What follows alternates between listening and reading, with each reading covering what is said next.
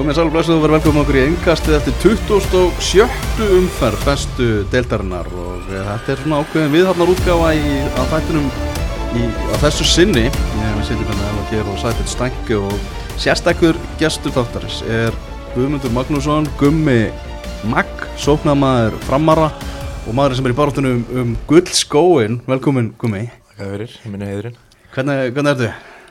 Bara létti ljúfur kátur Já, búin að vera, búið að vera ansi upplugt sumar hjá þér eins og sérst, já meðal þessi því að þú ert í liði ásensi okkur á fótbolta.net sem að tilkynnt um, um helgina, þetta hefur verið bara draumi líkast eða ekki? Jú, bara mjög flott sko. Um, Á þetta kannski inni með við vinnina sem að ég hef áður talað um en hérna er bara uppskerð eftir því. Ha, þú bara herrtókst þarna eitthvað líkansræktarsalinn nýja í Já. Úlfarsartal Já, eða, Fyrst nýri Samiri Já. Ég, hérna, Byrjaði mitt í oktob, miðan oktober í fyrra og, og hérna tróð mér inn öllum stundum hana og hérna, eins og Óskar talaði um daginn að hann var hann þreytur á mér en, en hérna ég var bara orðin eins og hvert annað húsgagn hana Akkurat. Uh, þegar þú fórst inn í þetta tímabil uh, bjóstu sjálfu við að þú verður að fara að skora, já, vel yfir tíu mörg í dildinni? Nei, kannski ekki alveg vel yfir tíumörk en ég vissi að ég myndi hérna, svona með hvernig leikstílinni er og hérna, með standið á mér og, og hvernig ég var svona kom inn í mótið. Ég, hérna, ég held ég að við skora 6 mörk í síðustu 5 leikjum fyrir mót þannig að sjálfstöðstu var bara blúsandi Mm -hmm. Verður þau að vera svona já, nánast í aukarhlutverk í lengjadildinni fyrra? Yfir í að vera bara já, besti leikmaður liðsins í, í sumar, það er helviti mikið stöðak Já, ég var kannski ekkert á rosalega góðum stað þegar ég kom inn í þetta fyrra. Mm. Ég var eiginlega bara 5 minnur í að hætti í fótbolta Já. og hérna, ég hef ekki að grinda út af persónunum ástæðum og hérna tók mér tvær, þrjár vikur bara, þú veist, alveg off og var bara að hreyfa mig sjálfur og hérna, svo svo kom fyrringurinn hérna nálgæðis mót og hérna ég fekk að fóru nú fyrst á æfingu í Úlfónum bara svona aðeins að aðtöfa hvernig, hvernig hérna hungrið var og hún bara var rosalega skemmtileg og hérna ákvað þá að hafa samband við þá sem er í kringum fram og, hérna fekk að byrja á maður æfingar og ætlum bara svona að sjá hvernig, hvernig færi og hérna enduðum á að ná, ná saman. Mm -hmm. og þú markmiður núna er að fara í, í, í ná guldskónum mm -hmm. uh, ert með jafnmörg mörg og nökkvi sem er náttúrulega lungu farin til, til Belgíu. Hann með færri leiki en þú ég held að rekla sig öruglega þannig að þá er hann með guldskóin eins og staðinu núna. Þú ert að skora í loka umferðinu á móti Já, Keflavík, þú ert búin að skora tviðsára mótið þeim áður í, í sumar já bara make a sense ef hann er búin að spila færri leiki en hérna, ég á eitt leik eftir og, og hérna, ég held að þessi hugur í mönnum í, í daldrauman að reyna að sigla þessu heim þetta er ekki, ekki bara viðgjörn fyrir mig heldur er þetta bara innspýtingin í félagið og hérna gefur, gefur svona leikmönnum liðsins og yngri þú veist, smá Mhm. vonum að það sé allt hægt mm -hmm. Þannig að förum meir út í þig á, á eftir. Mhm. Þannig að förum fyrst aðeins í þessa bara leiki rennum yfir þá. Svona nánast á hundavaði flestir þeirra eiginlega nánast æfingaleikir svo, svo það sé bara sagt þannig. Uh, byrjum bara náttúrulega á ykarleik þar sem þið vinnum 3-0 sigur á móti FH uh, kannski ekki alveg svona tölvöldar gefa ekki alveg rétt að mynda af, af því hvernig þessi leikur var Um, nei, mér fann svona út á velli voru við kannski betri öflöri með boltan þeir eru náttúrulega með bara gæða leikmenn sem að elska að vera með boltan og, og hérna og boltin flýtur vel og, og, og þeir fengu nú alveg hættulega færi sko. En Mm. mér fannst það svona mest megnis eftir það að við vorum að missa boltan á miðinni eða þeir bara settu boltan aftur fyrir þannig að þú veist þetta er svona ég myndi segja kannski fyrsta skipti í einhverja leiki sem að þú veist allt liðið fann bara þú veist að við værum á okkar degi og hérna bæði vörnin og sóknin og, og ég meina við nýttum bara okkar færi en þeir ekki sko. Já, þarna jákvæmt náttúrulega alltaf fyrir fram að, að halda hreinu, það hefur ekki alltaf gæst í, í sumar hjá okkur. nei, nei, nei. Ég meina þú veist það er bara búið að vera rót á þessu skiljum, er, við erum kannski við erum kannski fastmótaðari fyrir framhóið en það er einhvern veginn alltaf ný og ný varnalína og, og hérna. En já þetta er svona, þetta, þetta leit vel út í þessu leik. Já, þarna Jannik Pól með tvö mörg Mhm. þarna segðu okkur aðeins frá bara þessum, þessum leikmanni, ég var einmitt á tannlagnum mínum áðan sem er mikill, mikill framari, Kjartan Ok. Ragnarsson. Já, og hann var hérna að tala um ykkar samvinnu að þeir séu að ná rosalega vel saman, þú og, og Jannik Ból Mm, það er bara gæða leikmaður um, maður svona sá þegar, þegar hann var að koma þá fór maður á YouTube eins og maður gerir og hérna fór að sjá klippur á hann og veist, þetta er, þetta er gæða leikmaður sko. Náttúrulega kannski búin að eiga smaður upp með meðsli og, og það var náttúrulega hann umræða fyrir móta hann myndi bara ekkert spila allt móti og það er einhverjum sjúkdómi sem hann var síðan ekkert með skilur, hann bara var að vinna sér tilbaka. Já. og hérna svo svona ég held ég að við heyrta í gæri hann er komið með 8 mörg í sumar og 7 á þeim núna í síðustu 8 leikjum eða eitthvað þannig að hann er bara búin að vera öflugur að vinna í sínum málum og hérna við erum nokkrir sem erum bara alla daga í gimminu og hann er einn af þeim og, og hann er núna á uppskriftið því. Mm Þannig að var 2-0 í, í hálfleik. Hvað var rætt um í, í hálfleik, bara þú ættir að skora eða hvað? Nei, nei, nei. Uh, bara að halda áfram þú veist, að, hérna, við vissum það að þeir voru nýkonur og leik í keflavík þar sem að þeir voru undir einmitt í hálfleik og hérna, náðu að snúa því við þannig að við ætlum bara að vera grimmir út í setna áleikin og náðum sér betur fyrir að potin markið hérna bara eiginlega strax sko þannig að það var svona þægilega að klára leikið þannig. Mm Þannig að svona, já, talandi um það bara, þú veist, Norni segir það er eftir leika eða eina spennan í þessu móti sé hvort að þú náður guldskónum og allt hannig þannig að er það eitthvað í upplegginu bara hjá, hjá liðinu að, að spila upp á þig eða? Nei, ég, veist, það hefur ekkert verið rætt sko, en, Já. en við vitum það ef, að- ef, að- ef við setjum boltaninn í tegina þá erum við ansið líklega til að skora og, og ég er yfirleitt þar og Jannik er þar þannig að þú veist þetta hefur virkað allan að vel hinga til en við höldum bara sama uppleggi og hérna, hvort sem það verði ég eða hann eða Freddi eða eitthvað skilur þá, þá bara er það þannig sko Mm -hmm. Sæbjörnus úslið svolítið svona bakslag fyrir, fyrir Sigurvin Ólafsson venna eftir að liðið hafði, hafði unnið þarna tvo leiki undir hans stjórn. Já, já, klálega en, en þú veist, þetta er komið. Komið í höfn. Já, það ég held að leikmenn alveg sjáu það sko, þó að það sé hann einhver tölfræðilegu möguleiki þá, þá er þetta bara komið. Þú veist, þeir voru líka eins og eins og segir, kannski gaf ekki alveg rétt að mynda á leiknum en stilt að fangar hafa einhver áhyggjur og sigur eins og sem ekki heldur sko. mm það er svona veikur smá átegli náttúrulega er þetta markmanna að rót í þessum leik? Alltaf Gunnar fyrir út af í hálfleik og allir Gunnar er ekki með var að vera í brúköpi hann ekki gifta sig sjálfur? Gifta sig, ég ætla nú að taka aðeins upp hanskan fyrir honum því að ég, ég held að eftir síðast tímabil hafa hann ekki ætla að halda áfram. Svona, ég heyrði það ykkur starf og Já. hérna náttúrulega væntalega að plana þetta langt fram í tíman að að halda brúðköp náttúrulega út á landi og hérna, hann hefur kannski ekkert verið með fókusin á það, hann væri að fara að vera allt í unni aðal markmaður F á hérna í oktober í Já. úrslitakefni þannig að þú veist mér veist helviti hart að vera að setja út að hann sé ekki að spila þetta því að hann hefur kannski komið inn á þessum fórsendum að hann væri að fara að gifta sig þannig Já, akkurat, það bara getur vel verið að það sé bara í, í samninginu skilur bara augljóst sko. Mm en mér finnst það bara svona líka að því að Gunnar fer af velli þú veist, -hmm. er allir Gunnar er hann, er hann heill líka upp á, upp á næsta leik þú veist, eða er heiðar að fara að spila Mm. Ég meina kannski líta þér á það þannig eins og þú sagðir að þetta væri komið Mhm. og að tölfræðin segi annað en og það var bara fínt að að blóðka ungar Mhm. markmann og gefa honum tækifæri og, og, og hérna, byggja hann upp fyrir næstu, næstu ár. -hmm. Þannig að F-fáingar, maður heyrir það svona á stuðningsmönnum að þeir nú bara kalla eftir því að eftir þetta tímabila verði naflaskoðun þeir náðu að redda sér núna fyrir hot en það er náttúrulega, náttúrulega bara styrla þetta þessi klúpur með alla þessa aðstöðu og, og allt sem eru reyða í liðið sitt sé bara í þessu basli og séu reynilega bara að taka þátt í þessum neðri hluta. Ég, mitt, ég, ég átti nú aðeins smá spjall inn í leik við Gumma Kristjánsson að leikunum var stopp og við vorum aðeins að ræða þetta og hérna ég sagði, sagði við hann að mér finnst þetta mjög skrítið þegar þeir voru geggjaðir í vetur. Við náttúrulega spilum við það og ég held að við hefum verið dæmdir út frá þessum eina leik hann í vetur á mótið þeim, þessum þú veist, þið kom inn í mótið lengjubíkameistarar og svo, þú veist, byrjaði kannski að tapa leik og bara snjóbolti sem að, þú veist, byrjar að rúla og, og hérna, maður þekkja bara sjálfur um leið að fyrir kannski að ganga smá illa þá, þú veist, kemur smá óöryggi og sjálfstæðstöð er ekki mikið og hérna, svo náttúrulega bara pressa eins og segir, þetta er FH og hérna, en staðin núna þeir eru safe þó að tölfræðin segja hana. Finnst ég sá einhverja tölfræði í stúkunni í gerð líka sem sagt, á, stöðtöðu sport að hérna, þeir hafa ekki fengið stig á gerðugas í sumar mm og bara skora tvö mörk í einhverjum Mm. 7-8 leikjum eða hvað það var -hmm. mm. sem er náttúrulega ótrúlega tölfræði af því að það gefur, það segir sér sjálft að leikjum á gerðugræs er bara að fara að fjölga á næsta ári sko.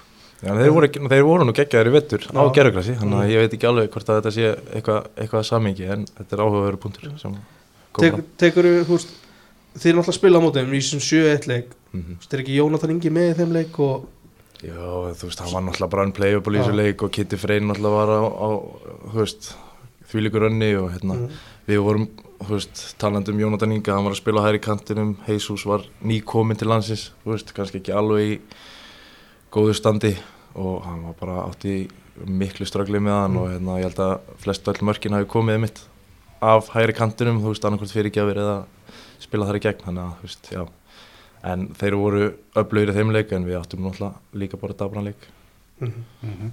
Uh, það er eitt líka í, á þessu er mér að leika skilar uh, Tiago Mm er orðin stóðsendinga herstur í söguna og svona tryggva og, og alla guðna hvað þú veist, hvaðan kemur þetta er, þetta- er, var þetta alltaf að vita að hann væri með þetta í, í leik sínum Já, því ættu nú að sjá hann á æfingum, stundum er bara ekki að ná boltanum á hann sko. Þó, þó að ég tel nú Delf er alveg öflugan og sterkar með hann, hann á stundum erfiðleikum að ná boltanum á hann, hann er bara með futsalgrunn, þú veist, það sést alveg á hann með pælið í. mm. Hann kom inn að 2018, þú veist, Petró fekk hann til landsins, hann kemur, kann valla að tjá sig á ennsku skiljiði og hérna og vinnur sér bara hægt og rólega inn í þetta og er náttúrulega bara orðin framleikmaður, þú veist, var 18-19 í fram og svo talaði hann um það að hann meittist hann eitt ár og, og átti í strögglega að koma tilbaka, feti grindaði ykkur er kannski bara að koma sér í gang svo náttúrulega bara kemur hann aftur í fram í umhverju sem hann þekkir og fær sjálfströst og, og hérna líður vel og maður veit það ef manni líður vel þá, þá blómstar maður Mhm. Förum í ekki breiðholti, förum í Árbæ þar sem að leiknir tapaði 1-7 fyrir Keflavík, leikur sem að leiknir þurfti nöðsynlega að vinna, treyst á að treyst á framarana, framararnir bröðust ekki en, en leiknislið það brást nú svo sannarlega í leik upp á líf og dauða að tapa 1-7 Sæbjörn. já, þetta var ekki fallegt. Þetta svona allt, allt rínu bara á, á okkurum tíumbúndi Siggi Öskuldur reyndar talar um húst, þetta sé alveg ánþá leikur í, í alveg í 3-1 og þeir hafa viljað að fá okkur tvö rauðspjöld kalla eftir þeim Mm. keflag en í 4-1 svona hreinur þetta alveg og enda bara 7-1 og þetta er bara svolítið svona gera á fyrir þetta svolítið sárt fyrir breyðlíka að sjá þetta bara alveg fara og þá bara með stæl líka í þessum leik sko. Því ekki að leikni var sko, var ekki fallstætti fyrir tvískiptingu sko. Mm. Eru núna komnir í neðsta sæti og falla formulega eftir 1-7 tap á móti Keflæk. rosalegt Já. þetta er bara hvað lýsingar orður eiginlega hægt að taka á þetta? Bara bara algjör hrun algjör trun, það sem er reyndar ekki í lýsingur sjálfströðsleysi. Ég meina, a- mól, mölbroti sjálfströðs lítur að vera þegar þú tapar svona. já, þetta er bara, það er eitthvað sem að einhver, einhver svona, einhver rofi sem bara fer í gang og það bara frínur allt Já. það er bara, það er eitthvað sem klikkar algjörlega sko. gæti spilað nýjaður ef við tapað 9-0 hann fyrir sumar svo Já. bara fengið svona, óh, ekki aftur Flashback eitthvað. einmitt. og bara, já, ég er alveg sammálaður að þetta var mjög skrítið af því að ég horfði aðeins á hann leik og það var náttúrulega hvað, 2-0 í hálfleik eða ekki Mm. og svo kom 3-0 Já. Svo náðu þeir inn markið hann og þá fannst mér vera momentum með þeim að þeir voru svona, þú veist, að gera sér líka og þú talar um rauðspjöld, mér fannst grátt hann brotið á Fransa þar sem hann var tæpur á að fá annað mm. Annað gula og hann alltaf kipur honum út af strax eftir það og hérna, en svo bara kemur fjögur eitt og þá svona hrýnur þetta Mhm. Já, það er bara að leggja menn árarnar gömlu í bátinn. Já. En á móti kemur náttúrulega, þeir kannski leggja upp með að, veist, þeir hafa engu að tapa í fjögur heitt og, og, fara að sækja og henda mönnum kannski meira fram og þá náttúrulega móti keflaðikar það bara döðadæmt af því að þeir eru það öflugið fram á við að þeir splundra vörninni bara þá, þú veist, þeir voru hann á tímabili bara þrýr eftir í vörninni, sko, þannig að, Mhm. já, Mm. Adam Ægir Pálsson, hann bara, bara að leika sér hann. Já, hann hefur svo sannarlega verið að blómstra í sístu leikjum það, var, ekki- það er einhver styrlu tölfræðildi í sístu sex leikjum hefur hann lagt upp átta mörg og skora fjögur eða eitthvað það er bara, það er ótrúlega tölfræði og þegar það er kannski ekki meira undir þá algjörlega blómstra en ég er ekki að segja hann blómstra ekki þegar það er, þegar það er allt undir en en það er allavega moment með honum klálega núna sko. Mhm. Það er bara virkilega öflög leikmar og, og hérna, ég held ég að við séðan fyrir nokkrum árum í Sáðanbyrinn einmitt með, ég man ekki öðrum flokk keflaði ykkur eða eitthvað það var ekkert sem bendi þá til þess að hann er því svona öflög sko, þú veist, það var að tala um hann og maður svona fór að pælja honum en hann er, hann á hróskili fyrir að stíga svona upp. Já, nákvæmlega. Og bara tímabilið hjá, hjá Keflavík bara þrjussu flott er á heildinlega er litið miða við svona hvernig útlitið var rétt fyrir, fyrir mót. Já algjörlega þeir geta ennþá endað í sjötta sætinu samt bara í sjönda sætinu þeir geta enda sérst fyrir ofan liði efri hlutanum. Já, stigalega, séð, en já. ekki náttúrulega í sæti. Þetta er mjög, mjög, mjög steikt. Já, þetta er hérna þetta tímabilið bara búin mjög flott. Ég held að já, fyrst við erum líka með gumma hérna, ég held að við höfum spáð keflaug og fram nýður og sannfærandi bara. Já, þannig að þau var heldur betur afsanna afsanna spámenn. Já. bara kannski að þið gríp þann punkt samt að lofti ykkur fyrst þú ert hérna. Þú veist, hefur það, þú veist, þegar að liðinu bara spá bara afleitu gengi, er þetta mikið bústi að afsanna það? Mm, Nei, nei, við náttúrulega tölum um það þegar þessar spár voru að koma að, veist, við vissum betur uh, við erum að koma úr invincible tímabili úr lengjudeildinni, þú veist og, og liðið kannski meira mótað en menn heldu þó að vantaði ímsa pósta en hérna við bara eins og, eins og við tölum um við lögðum bara upp með að spila okkar bolta við vissum hvað við gætum. Svo, þú veist, Fred var búinn að vera í meðislum í vetur Tiago náttúrulega koma sér inn. Svo fáum við inn Danina fyrir mót þannig að þú veist þetta var við vissum hvað við gátum en við vissum líka að þetta væri að verða betra. Mhm.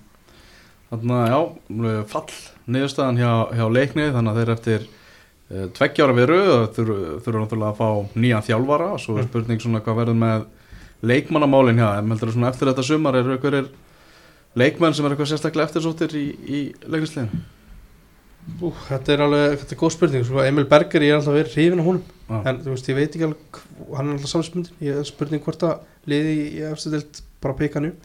Mm. Þú svo eru að, þú veist, það er alveg á, á deginum eru mjög margir bara mjög flotti spila en þeir eru bara ekki sínt næmilega mikil sem var Já.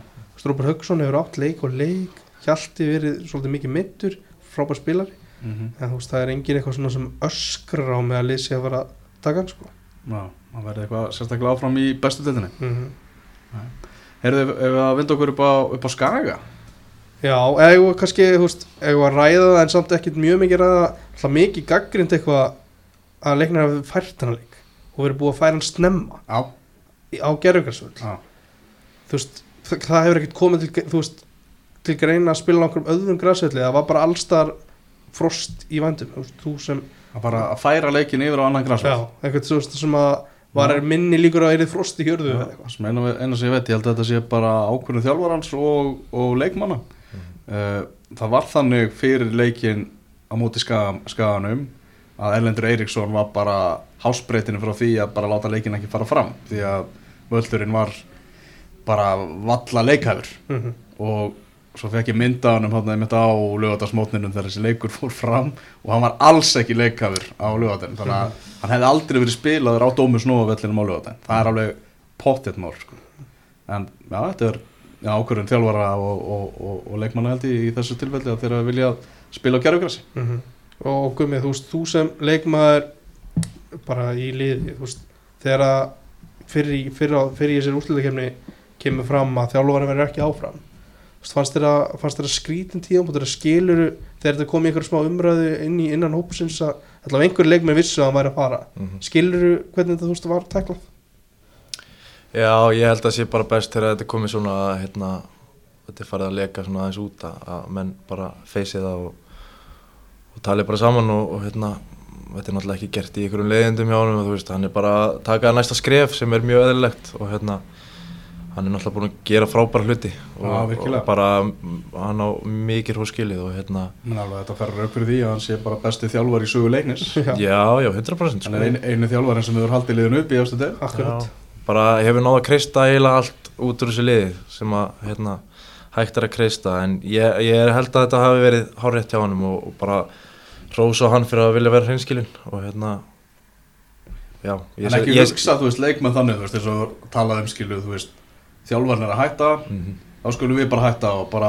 ekki gera neitt hérna restina tíðanbílun Nei, það ætti náttúrulega ekki að vera þannig því að þú veist, það sem að ég hef reynd að vera predika líka til yngri leikmanni í fram til dæmis að þú veist gerðu alltaf þitt besta því að þú veist aldrei hvað gerist þú veist, þó þú sért ekki að spila að hérna þú kannski ert ekki að spila, ert út í hóp, vilt fara eitthvað annað þá verður þú að halda áfram að því að ef þú ferði eitthvað annað þá þarf að vera klár.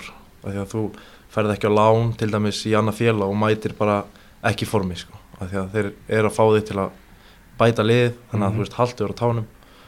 Og bara svipa með þetta ég meina þú veist þeir verða að hugsa um næsta skrif hjá sér. Veist það eru fimm leikir eftir ef ekki þegar þetta er tilkynnt? Var þetta ekki fyrir úrslækjumna Þú veist það eru leikmenn sem eru kannski að reyna út á samning og erlendi leikmenn sem kannski vilja halda áfram að spila á Íslandi veist. Haldi ykkur á tánum gerið þetta alveg með lega því að þá er líklega að önnu fjölu vilji fá ykkur ef þið ákveðið að yfirgefa leikni.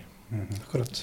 Fyrir þá upp á, upp á skaga þar sem að Ía vinnur sigur á móti IBVF, endur komur sigur þar sem að Eyjamenn veistist vera að fara að landa þarna sigrið þeir já, komast í 2-0 í þessu leik og hemmi reyða segla svolítið tók þetta tap á sig að hann hafi eins og segjum það, er, það er ekki mikið í húfi hjá mörgum liðum í þessari deild og hann hafi einfallega verið með ómikla tilröna starfsemi og verið að gefa ákveða leifu öllum að spila og gefa mannum séns og það hefði bara einhvern veginn riðla leiklið sem í hann á að ganga á lægið og unnið þennan leik 3-2 ef að skæði væri með stíi meira það voru náttúrulega F, væri F á einhver fróðu fellandi út í Mhm. Herman Reyðarsson Já. ak akkurat núna en uh, dauða kipir hjá IA halda sér alltaf þeir, þeir alltaf að falla ekki formlega fyrir hann í, í lokaumferð. Mhm.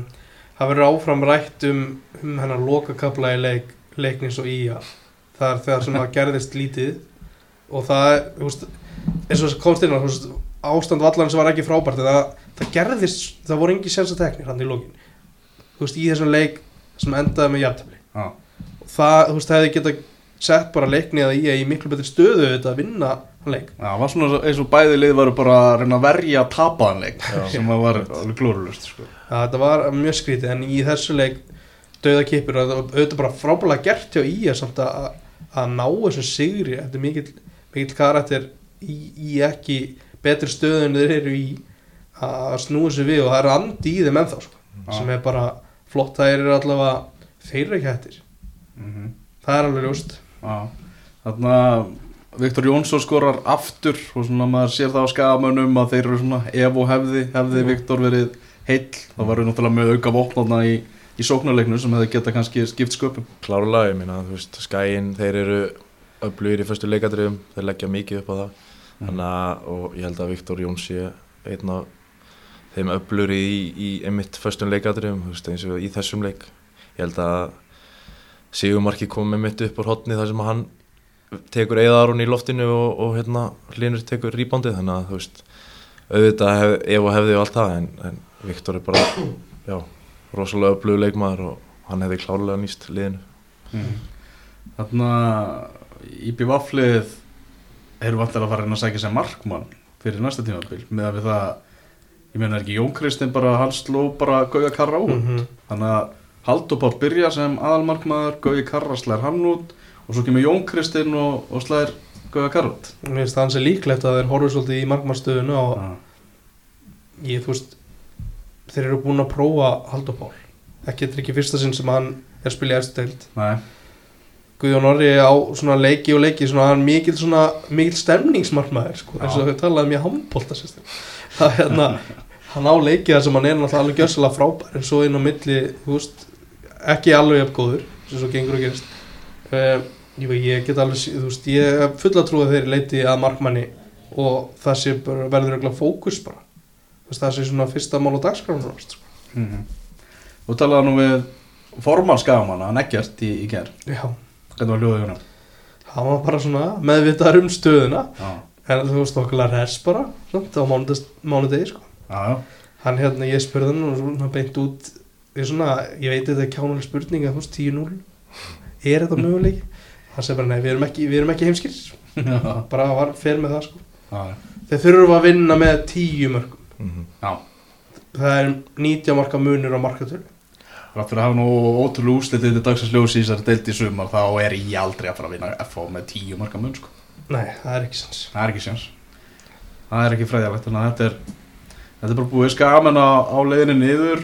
Eithor Völer á leiðinni í blikað ekki? Jú, það er heldur bara frá gengið. Já, uh, Sjáttu þetta á hann að Ármann Ingi sem skorur, var ekki hann sem skoraði í síðumarkið? Nei, annar marki Anna var annar markið Já, hann kemur inn í, í, í 0-2 Já. bara virkilega vel gert og leikmann sem er að fá örgulega fullt af mínúndum í, á næst tímil sko. Já, nú vil maður bara sjá fleiri af þessum svona ungu strákum skaman ná að taka svona næsta, Mhm. næsta skref svona. Akkurat Ég meina, er, er, er ekki Íslandsmeistar, búin að vera eitthvað Íslandsmeistar í öðrum flokki núna síðust árið? Já, þeir eru búin að taka allavega nóga tillum í griflökunum Já, Efni viðurinn er til, þannig að það er bara spurning hvað menn ætla sér.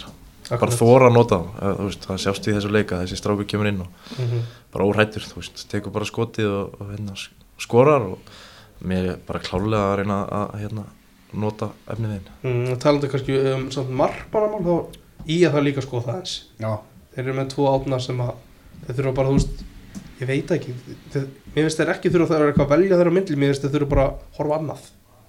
Er það, í lengjadildinni Já, ég, ég er það líka sko, þú veist bara af því þeir ætla sér alveg upp Já, vilja það ekki, þú veist, byggja það þannig upp eða? Það séum með markmann sem spila á síðan í efstu dild Jú, kannski horfa þetta öðruvísi á þetta en mér, þeir fengur báðir séns í sumar og þeir heitluðu ekki. Ég meina, það fer bara eftir hvernig þið líti á þetta, ég meina þeir eru að fara niður og, og eins og við vorum að tala um efni viðinn, hvort þeir ætla, eins og þú segir, að fara beint upp aftur, Mhm. ég meina það verður ekkit auðvöld á næsta ári, það er ný, Nei. nýtt fyrirkomulag, þannig að það er spurning hvort þeir ætla að fara beint upp aftur eða gefa sig kannski 2-3 ár og, og þá er hægt að nota einhvern af þessum markmunum sem er hana og gefa hann reynslu. Mér finnst það ekki að útiloka alls ekki átna Marino hann, er, hann er að fá það, það var mín skoðun að hann ætti að vera aðalmarkmaður í að á næsta tímabili. Bara klála kandidat í það skilur ungi markmenn Já. náttúrulega þú veist gera mistök og, og allt það sko. Mhm. Mistök sem eru kannski dýrar en það er rétt þeir sem eru út á velli. Já, gera. já. vonandi læra hann bræði og sýnir það þá á, á Ég meina hann hefur, eins og segir, hann hefur syngt það og Já. hérna, þannig að why not? já, já, og hefur sínt á og hefur ekki kannski byrjað tímabil sem að veita hann er nummer eitt, það getur náttúrulega munað einhverju Mhm. en áður kannski ekki þannig leik IBF Guðmundur þú skrist nú aðeins á, á þjálfara þjálfarastöðuna þegar að kannski gekk ekki allt og vel þannig að ég eigum já, Já, ég þóra ánga. já, Kannski eitthvað segir, segir mér að hoppa upp raskata mér áttir? En hérna, já sko, ég var nú eiginlega ekki, þú veist, ég ætla að segja það núna, en ég var ekki að skjóta á þjálfara, mm, þú veist, hemmi er náttúrulega bara geggjaðu karakter og maður hafði trúið að það myndi halda áfram að ná þessu upp. Þetta var bara, þú veist, minn maður Petro fekk stífilið á, á svipum tímanpunkti og ég var bara benda á það, þú veist, sama staða, skiljið mm, og þetta var alls ekki beint að hemma reyða sko, bara alls ekki Mhm. Hvað er að frétta af, Petro? Í Bólító ég sendi á hann svona, eða við tölum saman reglulega og hann er bara, þú veist það var eitthvað personu uh, hvað segir maður persónulegar ástæður fyrir því að hann er ekkert búin að vera í þjálfun Mhm. sem ég ætla ekkert að fara nánur út í Nei. þannig að hann er núna bara að reyna að koma sér á framfæri einhverstar Þú hefur náttúrulega verið með marga þjálfara á, á þínu ferli og marga stórlagsa þú er, þú er mikill Petro maður og strifin af svona hans hugmyndum. Já, eins og margir leikmenn sem að hafa verið hjá hann segja þá, þá er þetta hörku þjálfari sko. Já. og hérna náttúrulega með grunn frá Portugal og, og hérna svona atvinnumanna umhverfi. Hann er gífulega metnaðfullur hann veit nákvæmlega hvernig það vil spila taktískur. En eins og ég saði við ykkur hérna fyrir ykkur að hérna veist það er ekkert allan að fyrir mitt leiti þegar ég var að koma í yngri flokkuna ég veit ekki hvort það sé búið að breytast að það er ekkert mikið taktík í yngri flokkunum í Íslandi sem að kannski ítur undir það að þegar hann kemur og vill vera með eitthvað rosa taktík að menn séu bara ekkert tilbúnir og tilbúnir í það skilji. Ah. og hafi bara ekkert skilning á því. En hann gerði fullt fyrir mig ég meina hann kemur mitt tímabil 2017 ég var ekki búinn að skora með fram það ár eftir það skora ég sjömörk deildinni Já. held svo áfram næsta tímabil þar sem ég skora átjörmörk deildinni þannig að þú veist ég held að það sjáðu allir að hann hefur já, hann kendi mér margt kom miklu sjálfstöðusti inn í mig og hérna og bara eftir að hann að ég komst í kynni við hann þá er ég klárlega betri leikmaður sko. mm. og þá myndi okkur í efri hluta Valur 2 Breiðablик 5 það voru úrslitin á Origo vellinum já, Dagur Dan Þórhalsson með þrennu, var þetta ekki fyrsta þrennan á ferðinu, var hann ekki að segja það? Jú, ég held að, alveg öruglega Já, Allt með skotum fyrir um teg já, Vel gert hjá hann búin að eiga alveg magna tímabil og og við segjum þetta og við talaðum áður, þetta tímabilgum er svolítið svona stjörnuna sem er að skýna hvað skærast þú og fleiri, þetta eru, þetta eru óvæntar stjörnur. Já, en bara endur nýjun, skiljið, þetta er búið að vera í nokkur ár, svona summennitin alltaf, þú veist. Já. Það er bara gaman að fá inn í nöfn og hérna. en endur nýju, þú ert 31 árs sko. Já, já, en þú veist, endur nýjan á nöfnum eða Já. leikmannum, skiljið, í, í, í flóruna, þú veist, þetta er búið að vera Stífin Lennon, Patrik Pedersen, þú veist, allt þetta, skiljið. Þannig að það er bara gott að fá inn, þú veist, fleiri nöfn og hérna, og eins og ég segi, að, að það gefur vonandi, erum við að gefa fleiri leikmönnum bara vonum að það er allt hægt. Já. það heldur betur. Getur við ekki sagt að við vorum með þrjú nöfn svona á blaði sem við vorum að velja úr hver að vera bestur á tímabilinu? Já, Það var Ísak og Nökkvi og svo var það Dagur. Mm. Það hann var ekkert langt frá því að vera valinn það er búin að vera rosalega solid. Einhvern veginn yfir allt, allt saman en svona Ísak tekur út á því að hafa verið já, leikmaður sem að er svona drífur breyðablík í þessa fórustu sem að gera að verkum að þeir einhvern veginn sigla þessu síðan. Mm. Já, ég, Þetta er það, búin að vera frábærar allt tímabilið Já, það já, ég, Ísak búinn að vera geggjaður, þú veist, og hérna, hann hefur bara sínt að, þú veist, því bara líka minn á honum, menn eiga ekki breyka á honum ferðinni, þú veist, hann er að halda sama hraða en samt eru menn að hrinja á honum, það er ekkert auðvöld. Og er bara flottur, þú veist, á vellinum og hérna, en ég, mitt mat þó að ég sé búinn að vera í samkeppni við Ísak og allt þetta, mörkin, þá finnst mér Dagur Dan búinn að vera heilt yfir bestur. Já. nökkvi náttúrulega, þú veist, geggjaðu líka þegar hann er að Mhm. stígu upp. En þú veist, Dagur Dan er að leysa nánast alla stöður á vellinum, gerir það upp á átta í hverjum leikskili er svo að skora þú veist, hann er að taka hlaup tilbaka þegar menn eru að slopna í gegn, veist, hann er að reynsa það upp. Hann að, veist, hann er með einhvern veginn fleiri vopn í vopnabúrinu sem að mér finnst telja meira, þannig að mitt mat er það að mér finnst hann búinn að vera Mm. bestur. Já. Þetta er tímabil sem að valsmenn vilja bara gleyma sem fyrst. Ég held það. Þetta er, því það er bara nokkuð auglist Þetta er búið að vera mikið vombriða tíðamil Ætluðu sér auðvitað að landa þeim stóra. Það bara gekk ekki. Mikið þjálfara breytingar á miður tíðambili og verða breytingar núna eftir mót. Búa tilkynna þær. Þetta er svona Við erum að taka til í leikmannahófnum akkurat. Uh, bara gekk ekki Ég kannski set ekki, alveg að setja svona puttana hvað það er sem að klikkar bara ná ekki einhvern veginn tengingum á milli manna líka og svona mikið starra Jón er, er svolítið myndur í byrjun, veist, verið flottur þegar hann er heill og spilar. Þú veist, það, það var bara ekki, veist, hvort það sé svona smá svona chemistry í leysi Já.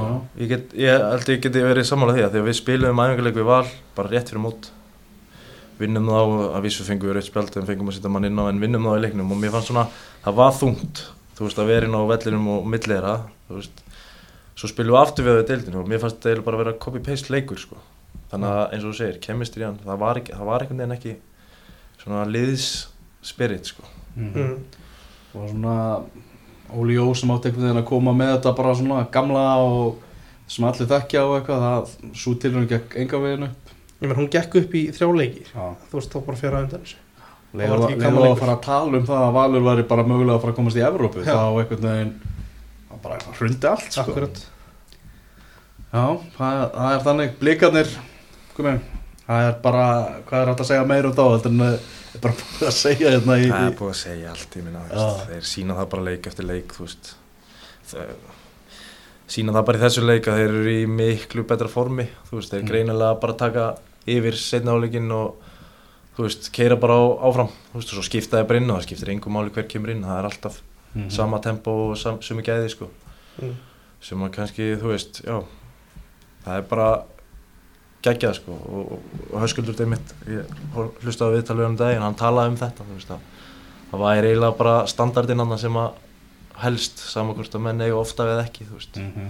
þá er einhvern veginn allir á sumu blaðsju það eru allir klárir það sýnir sér bara þú veist, þeir, þeir er ótrúlega lið Mhm. Fyrir þá í, Nei, í þessu leik samt leik sorry. uh, Þetta rauðarspjald sem að Hellund fær og frammeir ég ef að þú veist að það væri verið að grípa í því eða hvað sem að er í raunin að gerast þarna, hvernig myndir þú þetta aðrið? Ég skal ekki, nei, ég sá það ekki Nei.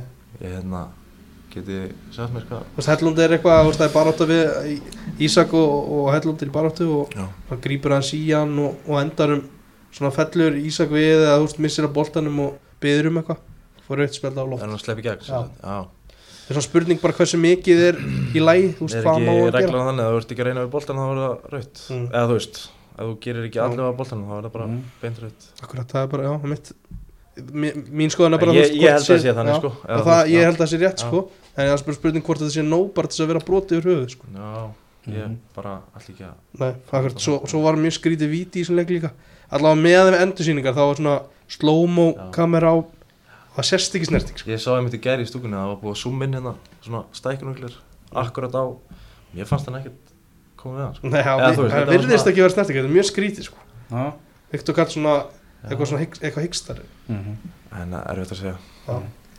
Fyrir þá í, í Garðabæðin þess að stjarnan tapar 0-3 fyrir Káa Melvar Átni Aðarsteinsson sem var að skrifa undir nýja samning við Káa hann kom með manna á, á bragðið svo skora Jakob Snær Átnason skelvilegu varnarleikur hérna hjá stjórnir Sindri Þór Ingemásson sem að missi boltan yfir sig og, og svo kemur þetta það sem að BBB Björnberg Bríðir skora svona sjálfsmark. Við svona aðeins detta út einhvern veginn þegar að boltinn kemur í hann og, og Káa menn bara rúluðu yfir þetta.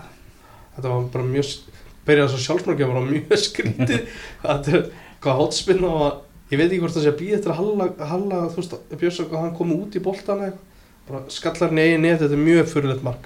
Það er að vera eiginlega að sjá þetta til að skilja hvað þetta er fyrirlegt uh, jú, þú veist, Káamenn mjög samfærandi Elvar Átni elskar að skora í garabænum þannig að við skora hann hvað síðustu fimm tíðanbili og hann meittur eitt tíðanbili að því. Þannig að ég held að það var 2017, 18, 19 21 og 22 hann skorur alltaf hann og hann nefndi það í viðtali sjálfur. Um, bara káa alltaf sér þetta annarsæti sem er bara stórt. Það er augljóslega er það ekki titillin það er hvað, það er mikla, mik, mikla framfæri frá því, frá því fyrra sem á gott tíðanbili og ennþá betur náttúrulega endi í öðru seti Er þetta ekki bara besti árangur Káa ef þeir lendi öðru? Menn eru Íslandsmistar 89 Já, um þetta Ég held þeir hafi ég held ekki að sé að það er besta síðan það var klálega. Mm -hmm.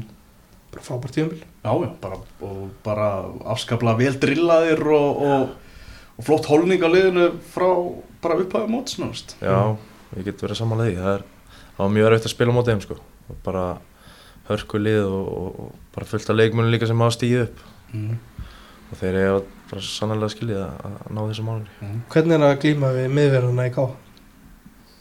mm, bara gaman sko eða þú veist, já, þeir vega hvern annan upp hana, þú veist þegar ég spilaði fyrir Norðan þá var ég mitt Dúsan og Ívar held ég. Svo og ég held að Dúsan hafi ekki verið inn í bænum. Mm en þú veist, gegg, bara góði leikmenn sko. Og hérna með Rodri náttúrulega fyrir framann sem að þú veist, þetta er svona þrýðningu sem að virkar mjög vel. Og hérna, já bara skemmtilegt að mótið sko. -hmm. Mm. í þessum leik var líka hann að rauðarspöldi og Daniel Lagstad það var mjög skrítið Það var náttúrulega í, í 1-0 sem það missa manna velli þannig að uh, hvað bara, hvað gekk á það? hvað, Þó, Þórarinn og hérna, Áskir lendi eitthvað saman Mm. og Elvar Átni bara svona bakkar upp Áskir með að íta aðeins í, í Þórarinn og Daniel Lagstad var svona lítið hrifin að því Já. greip í, tók hann hálstæki og ítt honum í jörðina hann virkaði eitthvað byrraður hann áður en hann sér elvara þegar hann bomba boltarum í burti mm. Já. svo einhvern veginn snýra sig við og, og, og ræðist bara á hann ég Já. veit ekki Gústi Gíla sagði held ég eitthvað að það voru atvikarnar rétt á undan sem voru búin að fara í tauganar á stjórninni sko. hver dómar atvik og svona þannig að mælinn er bara algjörlega fyrst, fylltist þarna og hann sá bara raukt sko. og hann getur fengið meir en einsleik spann mm. alveg klálega, hálstæk já þetta, þetta er bara stór furðulegt sko. og þá er hann að tala um að byrja þá næsta tíma að byrja í banni sko. Mhm. það er spurning hvað dómari leiksins hann var dæma sem fyrsta leik í efstu deild að Björn Heiðar sem á svona eitthvað gaggrina þarna eftir, eftir leikin og var ekkert að skora neitt mjög hátt í, í einhvern veginn fjölmjöla mm. eftir hennar leik fyrir kannski drauma frumuninnin Nei. en ég meina, þú veist einhvers stað verður að byrja Já, það Dómararnir það er líka verið að, aðeins að blóðga menn þar á þessum lokaspretti í þessum leikjum sem skipta mismiklu máli mm. það er ekki bara fínt þú veist, Já. að fá, fá fleiri inn í þetta þú veist, og það var hægt að rótara mönnum meira og hérna, ekki alltaf þessi sumu Akkurat, ég, þú veist Hefur núna smá, við höfum verið að ræða þetta hér og þú veist, ég heyrti þetta annars það líka Þóruð Þorsteinn var ekki tilvalið að gefa hann alltaf veit leiki það er það er ekki neitt, það er ekki neitt undir í neinum af þessu leikum sko. Kallar. Já, en svo líka þetta eins og, já, já, eins og talaði um þótt og tótna hérna, þú veist, þannig ertu með leikmann sem að snýð sér út í dómgæslu Mm. mm. þú veist, ef að, ef að aðri leikmenn sjá það að hann getur unnið sér hattu upp og kannski hafa áhuga á að koma í dómgæslu mm. ef hann, þeir sjá að hann er alltaf hann að dæma bara í bestildinni þá bara hvetur þetta menn áfram til að Það er einmitt það. Þetta Mjög er stíga mikið, inn í, sko. fordæmi til að við séum að fá en, en enn fleiri dómara. það er náttúrulega geggja ef að þú veist, það vantar kannski, ég veit náttúrulega ekkert fótballalegan bakgrunn hjá sumum á þessi dómur en þú veist, það er náttúrulega mun betra kannski að fá inn menn sem hafa tilfinningu fyrir leiknum og, Mm. Mm -hmm. og kannski hafa upplifið þetta allt og, og hérna, já Akkurat Mm -hmm. Eða svo var að leikurinn sem að var í gær, Víkingur Káar. Já. 2-2 endur leikar þar. Mm. Eh, Kristján Flóki, hann er að minna á sig hérna á lokasprettinum. Tvö mörki tveimur Já, flottur og vonandi verð helst hann bara heill á næsta tímabili. Það myndi gera rosalega mikið fyrir Káar. Þeir hérna, verða öruglega ekki með hérna, eitt framherja á næsta ári Þannig að það var náttúrulega Kristján Flóka Sko það var eiginlega við, viðtalið við rúnar eftir leik sem var starra heldur en leikurinn sjálfur í gær. Það sem að maður spurður út í þetta Kjartans Henry mál. Kjartan Henry sendi sér SMS á Gumma Ben í, í stúkunni. Uh, það sem að Rúnar Kristinsson náttúrulega já, segir það að hann hafi reynilega aldrei logið fyrir framann myndavilar í viðtölum og eða, eða neittanlega. Nú, nú hef ég nú verið í þessum bransa ansi lengi og tekið ótalmörg viðtöl við Rúnar Kristinsson og það er alveg rétt hjá hann alveg bara til fyrirmyndar í allri framkomu við fjölmiðla alltaf og er aldrei einhvern veginn að leina hlutunum eða allt þannig, hann bakkar sína leikmenn oftast næru upp, ekki í þessu tilfelli uh, en er ekki rosalega skrítisæpjum eins og að hann hafi ekki vita nákvæmlega upp á það hvað Kjartan Henry hefur verið að skrifa og, og hvað var í gangi hann? Mér finnst það mjög, mjög alvarlegt í rauninni. Uh. Þjálfarinn veit ekki hvað leikmaðurinn hans er að skrifa undir.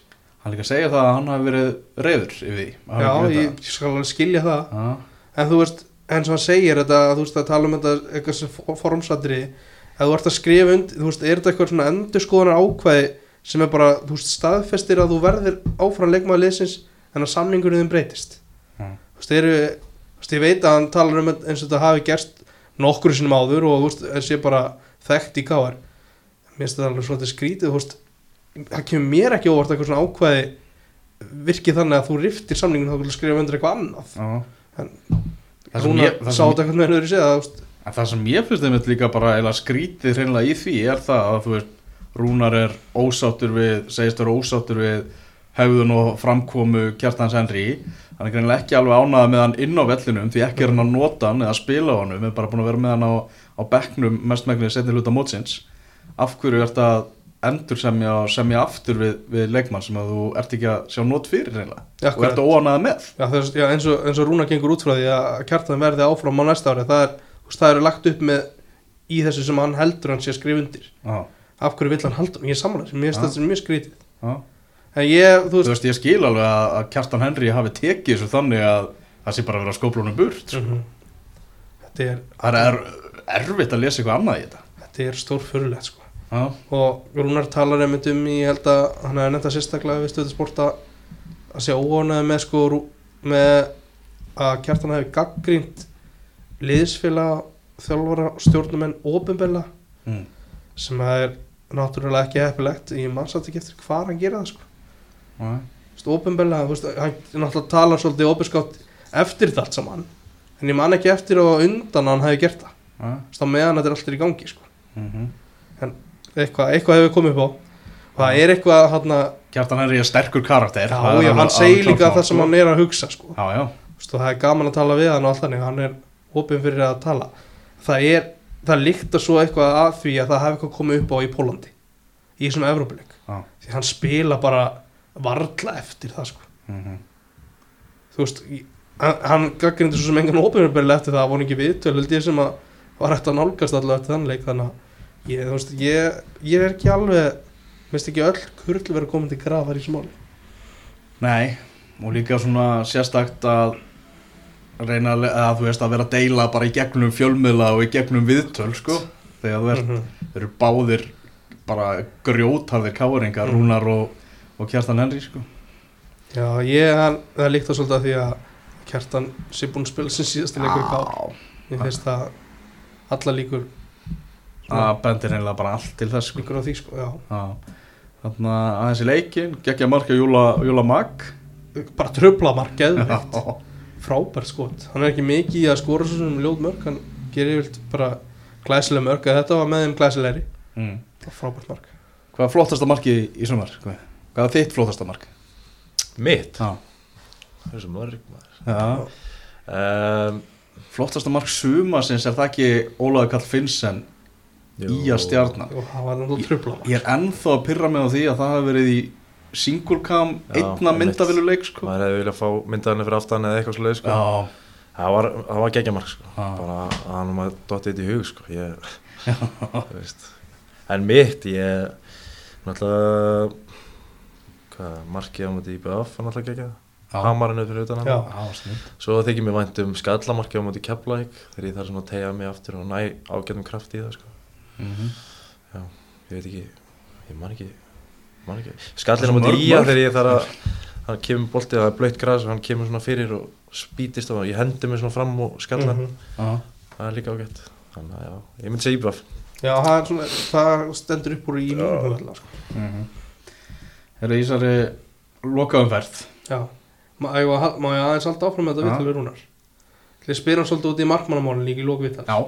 Það svona fellur eðlilega í skuggan og öðru uh, Beitir verður líklega áfram í eitt ár. Uh, og, og svona hann er að Rúnar er að velta fyrir sér hvort að Beitir verður aðmarkmaður eða Aron eða hvernig það verður. Ég spurði hann hvort hann hefði rétt við Sindra í keflæk, hann staðfesti það. En það hafi fjara undan þeim viðræðum og það liggi svolítið bara á káir þeir hafi í rauninni klúðrað því eða hva, hvernig sem að hvernig sem hann vil meina, þú veist, hann orðaði þannig einhvern veginn. Ok.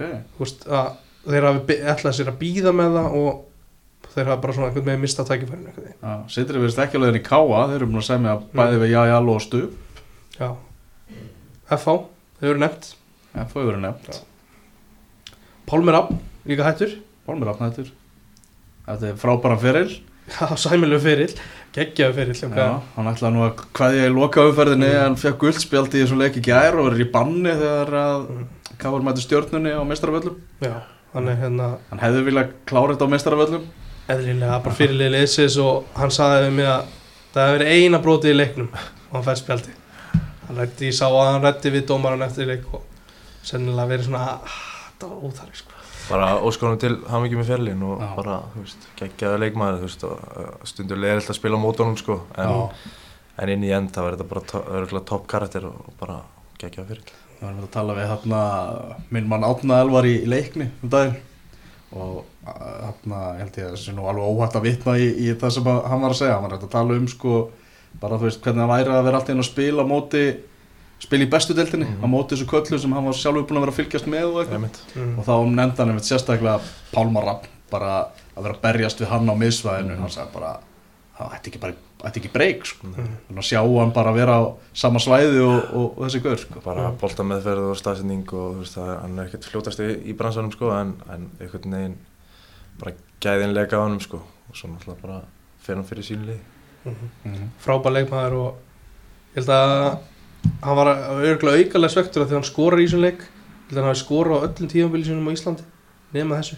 Mm. og marki var ansitt eftir að vera rámstað ef þetta var rámstað og svo fekk hann færi líka fyrir í leiknum okkar. Geta Þessum- að draða þetta tilbaka? Jó. ég lendi eins og í því yngri og hann hitti dómarinn út á bílaplan eftir leik og hann sagði stóðst þið svo vel í setnar ég ætla að taka þig guðlega já, það var í stærn ég held að allir veri til í það. Já, allir til. það. er bara alltaf bónus. Já, Já, það verður þetta skemmtileg, skemmtileg nýbreytni í þetta sko. Mm. Já, heyrðu í lokaumferðinu þá er náttúrulega skjöldurinn að fara á loft á, á lögadaginn í Kópáinum þar sem að vikingar er að fara að mæta í heimsókn og Arna Gunnljófsson tala nú það ég veit að líka er að hann var alveg til í að svona aðeins skemma fögnuðin hjá, hjá blikunum þannig að þetta sé ekki allt og gleðilegt já, ég hef maður skilja það bara vel það er svona það verið bestu tvö liðið núna síðustu tvö tíum vil, Káa var svo sem líklega enda öðru seti núna.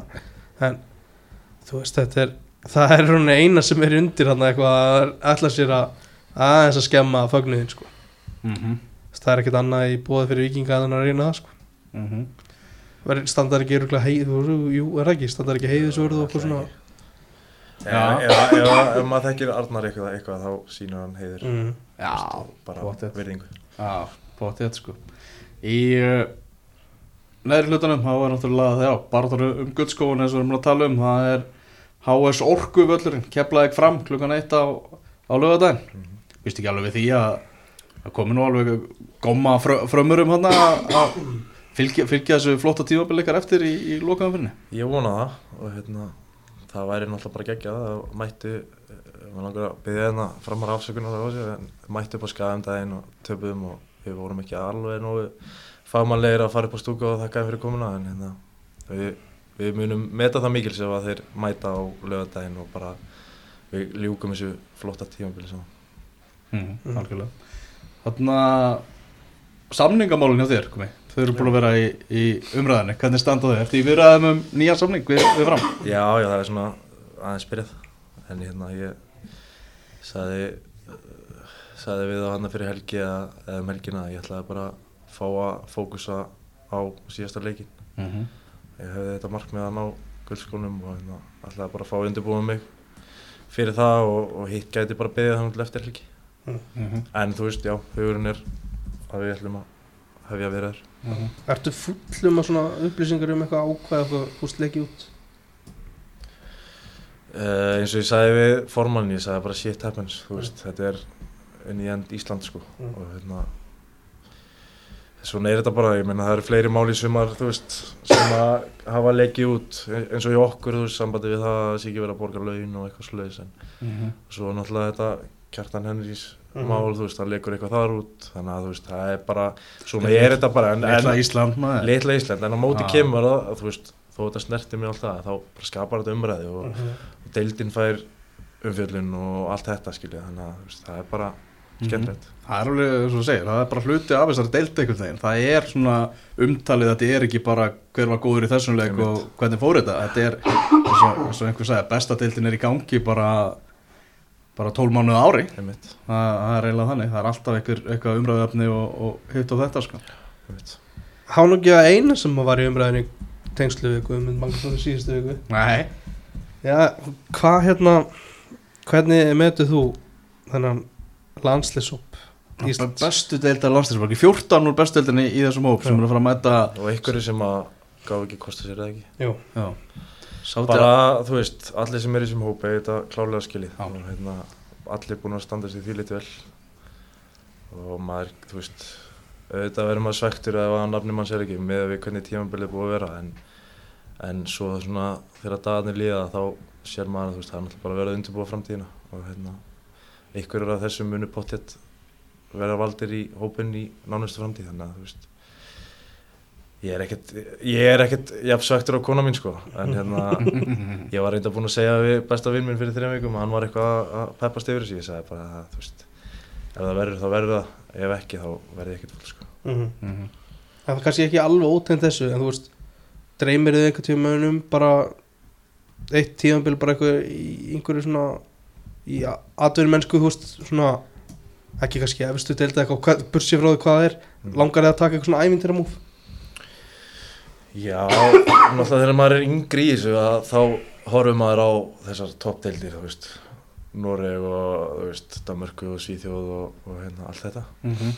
en svo núna þegar maður er búinn að vera mikið heima að hérna bara eiginlega búinn að spila heima og maður er nú 31 tvekja, þá kemur svona smá ævintýra þráð þú veist, þannig að þú veist, why not konan er að klára nám núna í, í haust og þannig að það er eiginlega ekkert sem að vera að binda okkur hérna heima þú veist, ef það kemur eitthvað upp þannig að hérna já, það væri alveg gaman að prófa eitthvað nýtt og prófa aðra menningu eða eitthvað sko Mhm.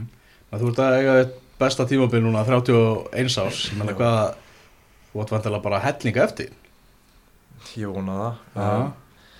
Já, svona eins og ég sagði í byrjun að það var svona ákveðin nullpunktur sem ég lenda á í, í fyrra vor þegar ég hérna, fór frá Grindavík og var næstu bara hættur og hérna og ákvað svo þegar ég samdi við fram að bara núna ætla ég að gera þetta almennilega að vissi að þú veist fram væri búið að vera í mögulega að fara upp og hérna og við erum náttúrulega mikill framari þannig að þú veist ég vildi bara taka þátt í því. Mhm. og svo eftir það tíamöbil þá, þá var ég búinn að tala við sem sagt hann heiti Hilmar, hann var sjúkuhálfari hjá liðinu og styrtithálfari uh, og ég, við vorum búin að tala um það að þú veist að ég væri til í að undirbúa mig núna almennilega. Þannig að hann tók mig til og eða ég tók mig til og talaði við hann á samt Óla Markmanni og við byrjuðum í oktober hjá hann og því líka aðhengarna sko, þú veist, það er bara ég hef aldrei eftir, ég hef talið mig oft verið í góðu formi sko en þetta var, þetta var eitthvað annað sko. Já, já. Þarna uh, svona ferillin hjá þér þú ert þarna svona víða komið við uh, ásætti að vera, vera í fram náttúrulega búin að fara til eiga og náttúrulega í Ólarsvík og, og HK og, og allt þannig. Mm aftur svona fyrir utan svona framtíman, hvernig var hvað var skemmtilegasta tímabili, skemmtilegasta árið Um, mér þykir mjög vænt um 2012 með Víking Gólsvík þegar við förum upp í Pepsi-deildina. Já, Það var, það var eiginlega bara geggjað ár í alla staði. Þú veist, náttúrulega eins og þetta er í Ólafsvík, liðið tilbúið seint. Byrjum, uh, þú veist, byrjum tímabilið bara mjög vel og höldum einhvern veginn út allt árið. Förum svo í ústildarleik við Káa á Akureyri, þar sem við vinnum bara 4-0, já, tryggjum okkur upp þar. Og bara fyrir mig, þú veist, ég er ættaður á vestan. Þú veist, mamma og pappi eru bæði frá Ólafsvík og öll fjölskyldum minni hefur verið þar. Bara það að ég fá að upplifa þetta með Víking Ólafsvík, það er bara, það var geggjað sko. já talar um að já, eins og segir að bara vantarlega einhver ár eftir að, að ferlinum mm. leikmannaferlinum, ætlar að vera áfram í boltanum ætlar að, að þegar ferlinum líkur Ertu ekki að fara að pæla í því? Ég held að maður verði einhvern veginn tengdur þessu saman hvort maður verði í stjórn þjálfari eða fólildri eða eitthvað sko skilju, það er Er þjálfurinn mögulegi? Uh, það hefur ekki verið sko en ég, það er svona aðeins fara að kýtla Já, ég náttúrulega var að þjálfa 2018 sjötta flokki fram, mér varst það geggja með Já. heiðar, heiðar ger og ég held að ég geti kannski haft gaman að að fara kannski í þrið eða annan flokki eða eitthvað lis til að byrja með mm -hmm. Er það að fara í he- heimavinnuna þína, Sabið? eða? Já, hvernig verður það? Já, ég, ég setti hérna smá heimavinnu á, á, á Sæbjörn okay. Uh, Velja besta leikmannin besta leikmann tímabilsins í öllum tólfliðunum og mestu vombri Já, Var það erfitt? þetta var, Sumlið hafa verið skrambið erfitt já, já, þetta var erfitt. Uh, líka vitna það að Gummi var koma að vera ákveðin pressa á mér, sko. En hérna, já, hvernig, hvernig viltu hafa þetta? Byrja eðst eða neðst eða? byrjum bara neðst Vinnum okkur upp Leiknir, Já, eru í neðsta sæti. mm. Vombriði, Magic. Já. Það var mikið búist við að fyrir um pólska landslýsmannum sem að náði ekki að sína ekki að valla neitt á þessum Mm. tíma sem hann var og, og fór í glukkanum það bara gekk ekki alveg upp og þú veist, væntingarnar hef ég heyrt í bregðaldi voru talsverða fyrir honum sem var svona ítur undir það að hann er mestu vonbreiðin Já, okay, kannski ekki á hverjum degi sem að leiknir er að sækja svona prófa, prófíl út fyrir landsteinuna sko. Nei, akkurat, það er ekki ákvörðandi uh, Þú veist, Mikkel Dahl kom alveg upp líka markastur í færsku deildin Já, heimilt En svona að lókum var það pólverinn sem tók þetta, sá pólki. Um, Bestur, það var líka alveg svona lúmstærfitt Ég hérna, valdi Emil Berger, Já, miðjumannin uh, Viktor svona kom að líka til greina í markinu. Berger bara svona, þegar leik, leiknir er að tikka þá er yfirleitt Berger bara flottur miðinni já. Ég myndi velja örugglega Birgi Jú, Birgir, þú veist, ég var líka, þú veist, var alveg að hugsa um hann.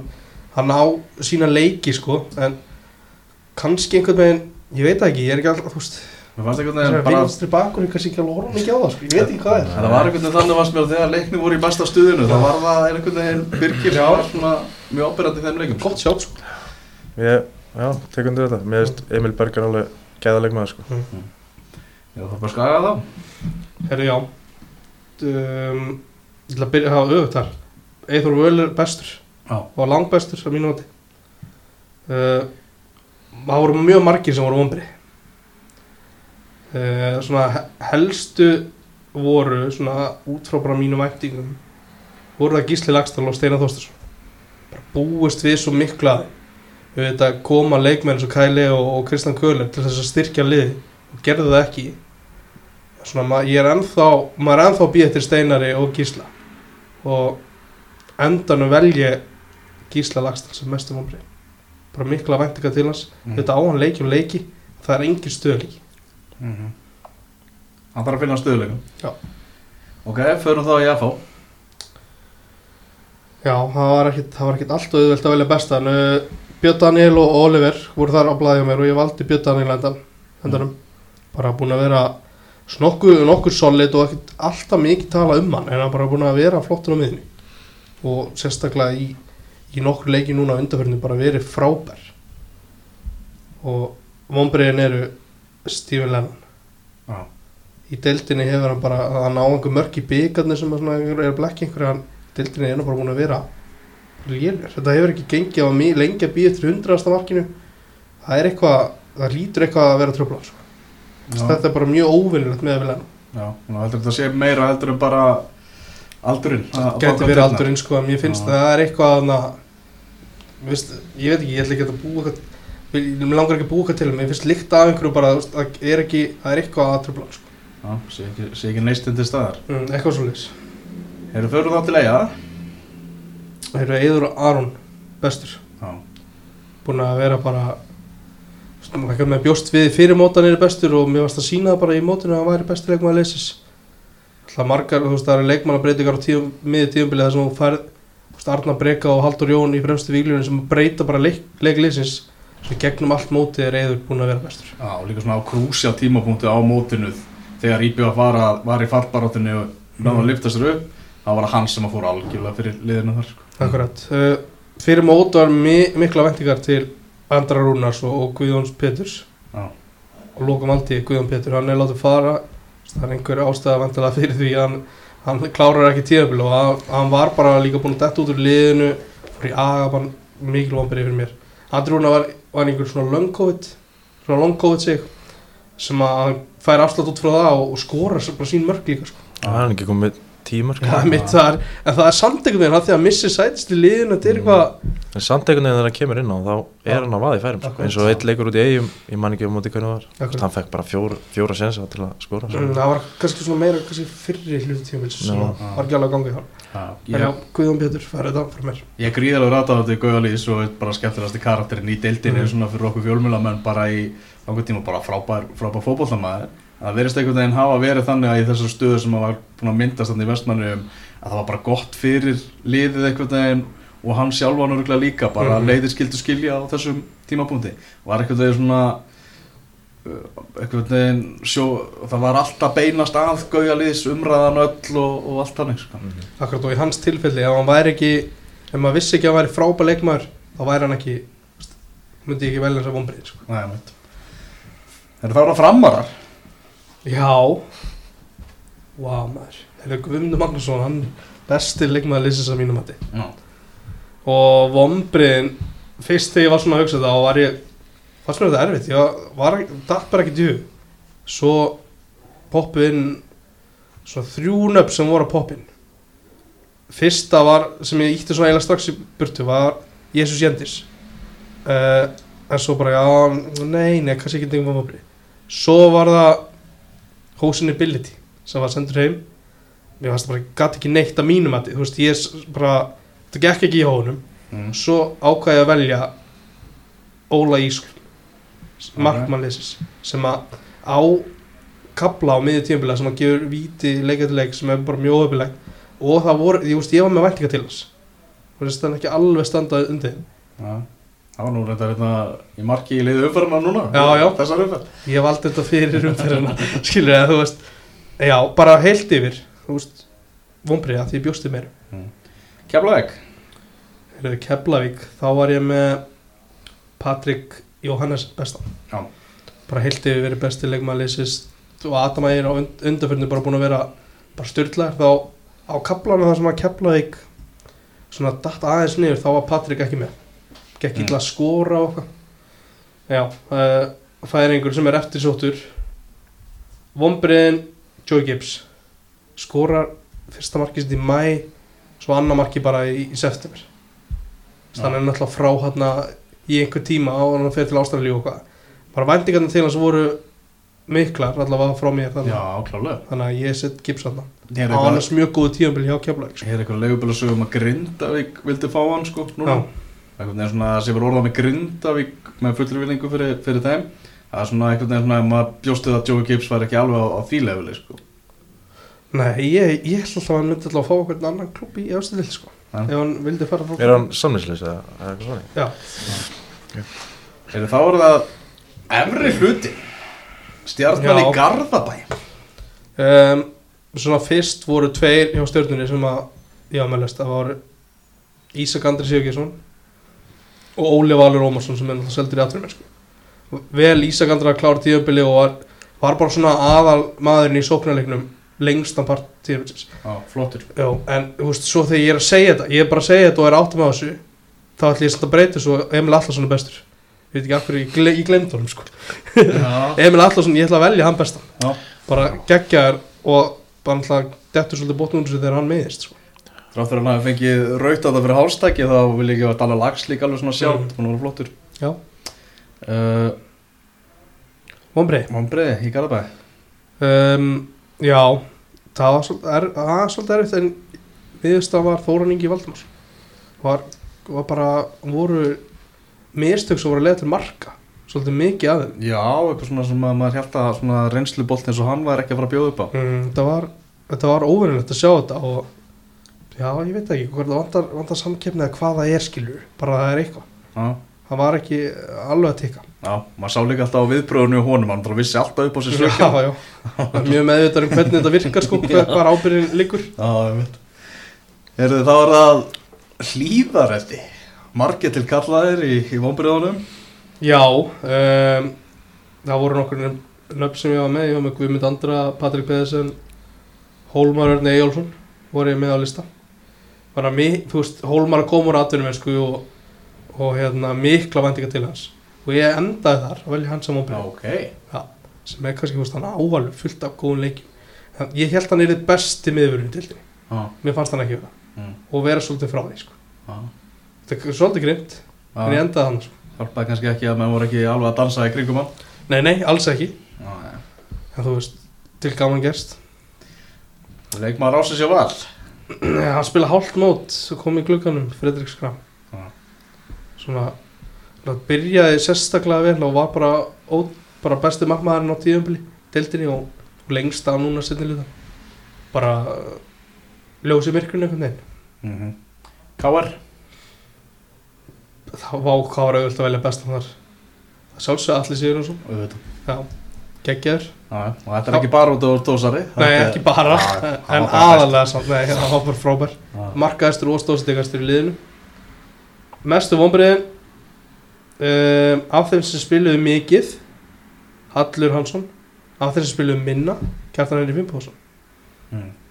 Hallur, þú veist það var mikið talað um hann og eðlilega bara fyrirliði færiska landslýsins búin að vera að spila í efstutild í Danmörku tala bara um hann bara mjög vel. Og maður sá alveg svona glefsur á honum. Ég veit ekki, þú veist kannski að maður átt að horfa á hann einhvern veginn öðru, ég bjóst við að ég var að fara að sjá mörg reglulega frá honum og hvað þú stóðsett ykkur það var bara lítið af því sko. Þannig á hann að það var einhver, það var einhver smá kaplið minni svona júli ágúst þar sem hann er flottur en það er bara ekki meira það sko. Mhm. og hann er, var alltaf í liðinu eðlilega, þú veist, hann er að hlaupa þú veist, ég er að horfa í, í hráartölur kannski meira en einhverja hlaupatölur og vinstutölur og okkur svolítið sko Mhm. Bestur hjá Víkingum Byggamesturun um, Július Magnússon fær þetta fyrirlið Já. bara geggjaður á meðinni uh, Kristall Máni var alveg svona á blaði en ákvað enda júla Já. uh, bara vákvað ég vona að fá þetta ekki verið að fara aftur í sko. það kom frá Hollandi 2019 og sem djúpu miðumar það er ekkert auðveldast í heima að fá, fá tækifæri helvitis en hann verðskuldar að klála fyrst mér Freyr Alessandur svo að tala um hann sem sem hérna vannmennasta leikmann deildarinnar Já. nú er hann í lið ásins og þú ert að velja bestan hérna í Víking og svona ég ekki freysi þar að þess að skota vannmyndin sko. veit ekki alveg hvernig hann er að hlusta á sko. nei, hérna, nei ég, þú veist Já. ég alveg, alveg gott hjá hann sko Rúlega káfa Já, uh, Vombrið Tveir sem að öfum með svona þar Fyrstur var Daví Örn Allarsson bara, einhvern veginn var gekk ekki alveg. Svo meiðist og en niðurst það var Ingvar Jónsson.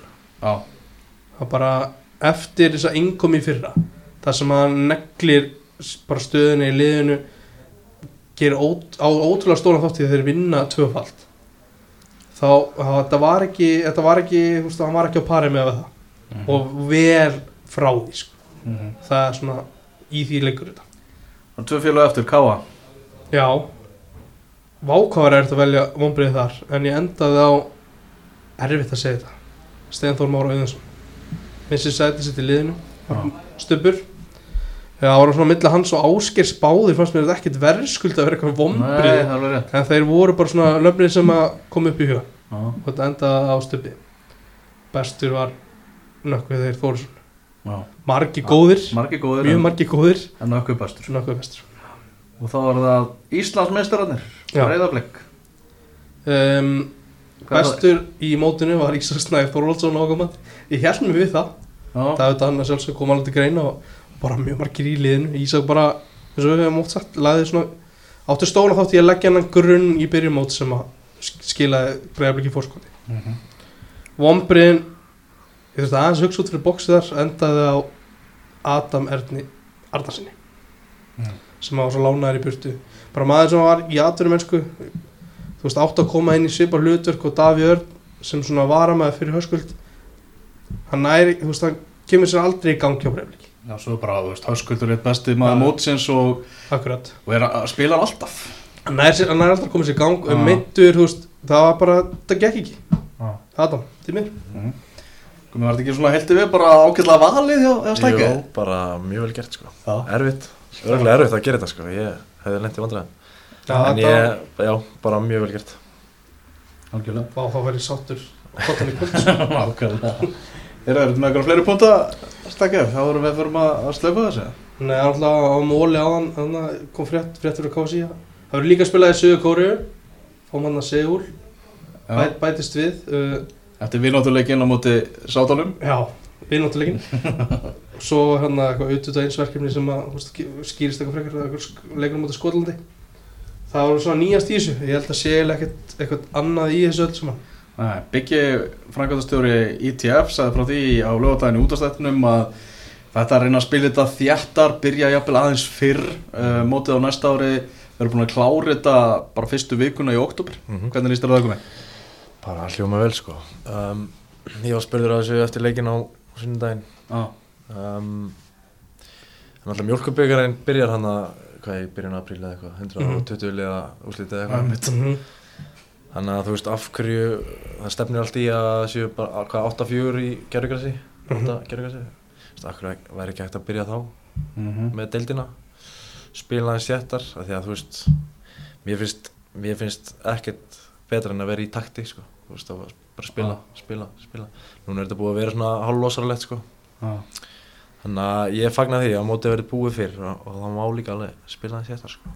Mhm. í mitt mat Óskar Rapp kom með góða líkingu þarna, sem sagði, þú veist, fyrirkomulega er gott en þetta er eins og þetta sé svona 100 blasið um oflátt. Það var að spila þarna viku fresti tegja þetta svona í, í Já. lokin, sko.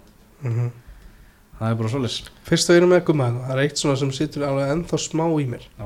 ekkert í mér eitthvað persónulega bara vakti mér svo mikla aðtegli þegar að ég ringdi í því út af þessu þegar þú talaðir eins og að vera búið ákveða að ákveða leikmaður er þið markaðistur til Mhm. þú veist, var þetta bara umtalið allstaðar um að hann var eitthvað bestur eða eitthvað svona sem að voru í því Nei, nei, þú veist, það er bara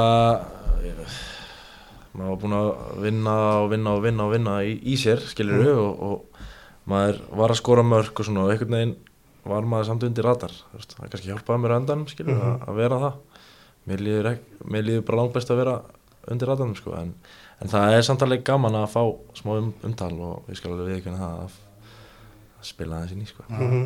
Ég held að segja alveg, þú veist, alveg réttur punktur, það eru margir sem að held einhvern veginn það að að það myndi bara stoppa hjá þeir einhvern veginn, það væri svona bara eitthvað tímabil sem var að taka næður að skora og en annað hefur svo heldur betur komið á daginn.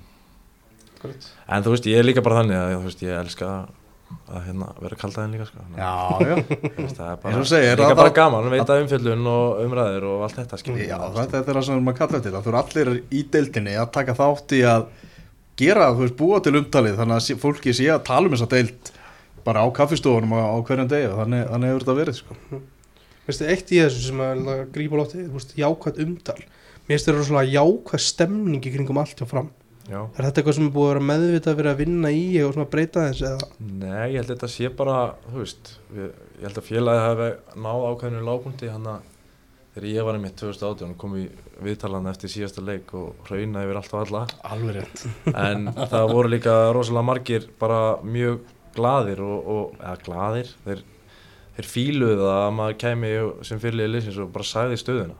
Og mitt mat var það að, veist, að þeir sem voru í kringum félagi alltaf, þeir þurftu bara að fara í nálaskoðun og, og það, það var gert og síðan þá hefur bara leiðin verið upp á því og svo náttúrulega hjálpar að fara hann upp yfir og þess að manni líður bara eins og Hollywoodstjórnana sko, maður er í gimmuna að gluggi sko og krakkandir eru bara glugganum að banka og vefa og það verður að byggja með einandráðir og taka myndir og allt þetta þannig að veist, þetta er náttúrulega bara að skapa stemningu sko. og mm. maður verður náttúrulega að sinna því líka veist, að gefa af sér ah, Það er bara rosalega gaman fyrir því sem, sem framari að taka þátt í þessu nýja upphafi hjá, hjá félaginu já, já, það er bara 100% sko. þetta sagði mér ná stóran stað í hjarta minni sko, og ég er uppalinn þar og, og, hérna. En þú veist, ég held að þetta hafi verið hárétt ákvörðin að fara í nýtt hverju Hvernig er að sjá hann orðna búið að mála rauða og líma hann að vikingslogo eða bara allt sem mögulegt Já, er? ég ákvað, ég var einn að keira eftir að verið með félaga mínum hann eitt kvöldið og ákvað að rúla við Ah. og sjá þetta. Þetta var agalegt. Þetta var ríkalegt en, þú veist svona er þetta bara. Svona er þetta Erum við bara takk hjá fyrir að koma, virkilega gaman að fá þig og, og gangið vel á, á lögadaginn í, í loka umferðinu. Takk kjærlega Það er einn ein þáttur allavega eftir að, af yngastinu, við verðum með aftur í, í næstu viku. Þú vart alveg að taka með ennska bóltana eftir mig. Já, það var nóga podcasti framöndan. Takk fyrir í dag.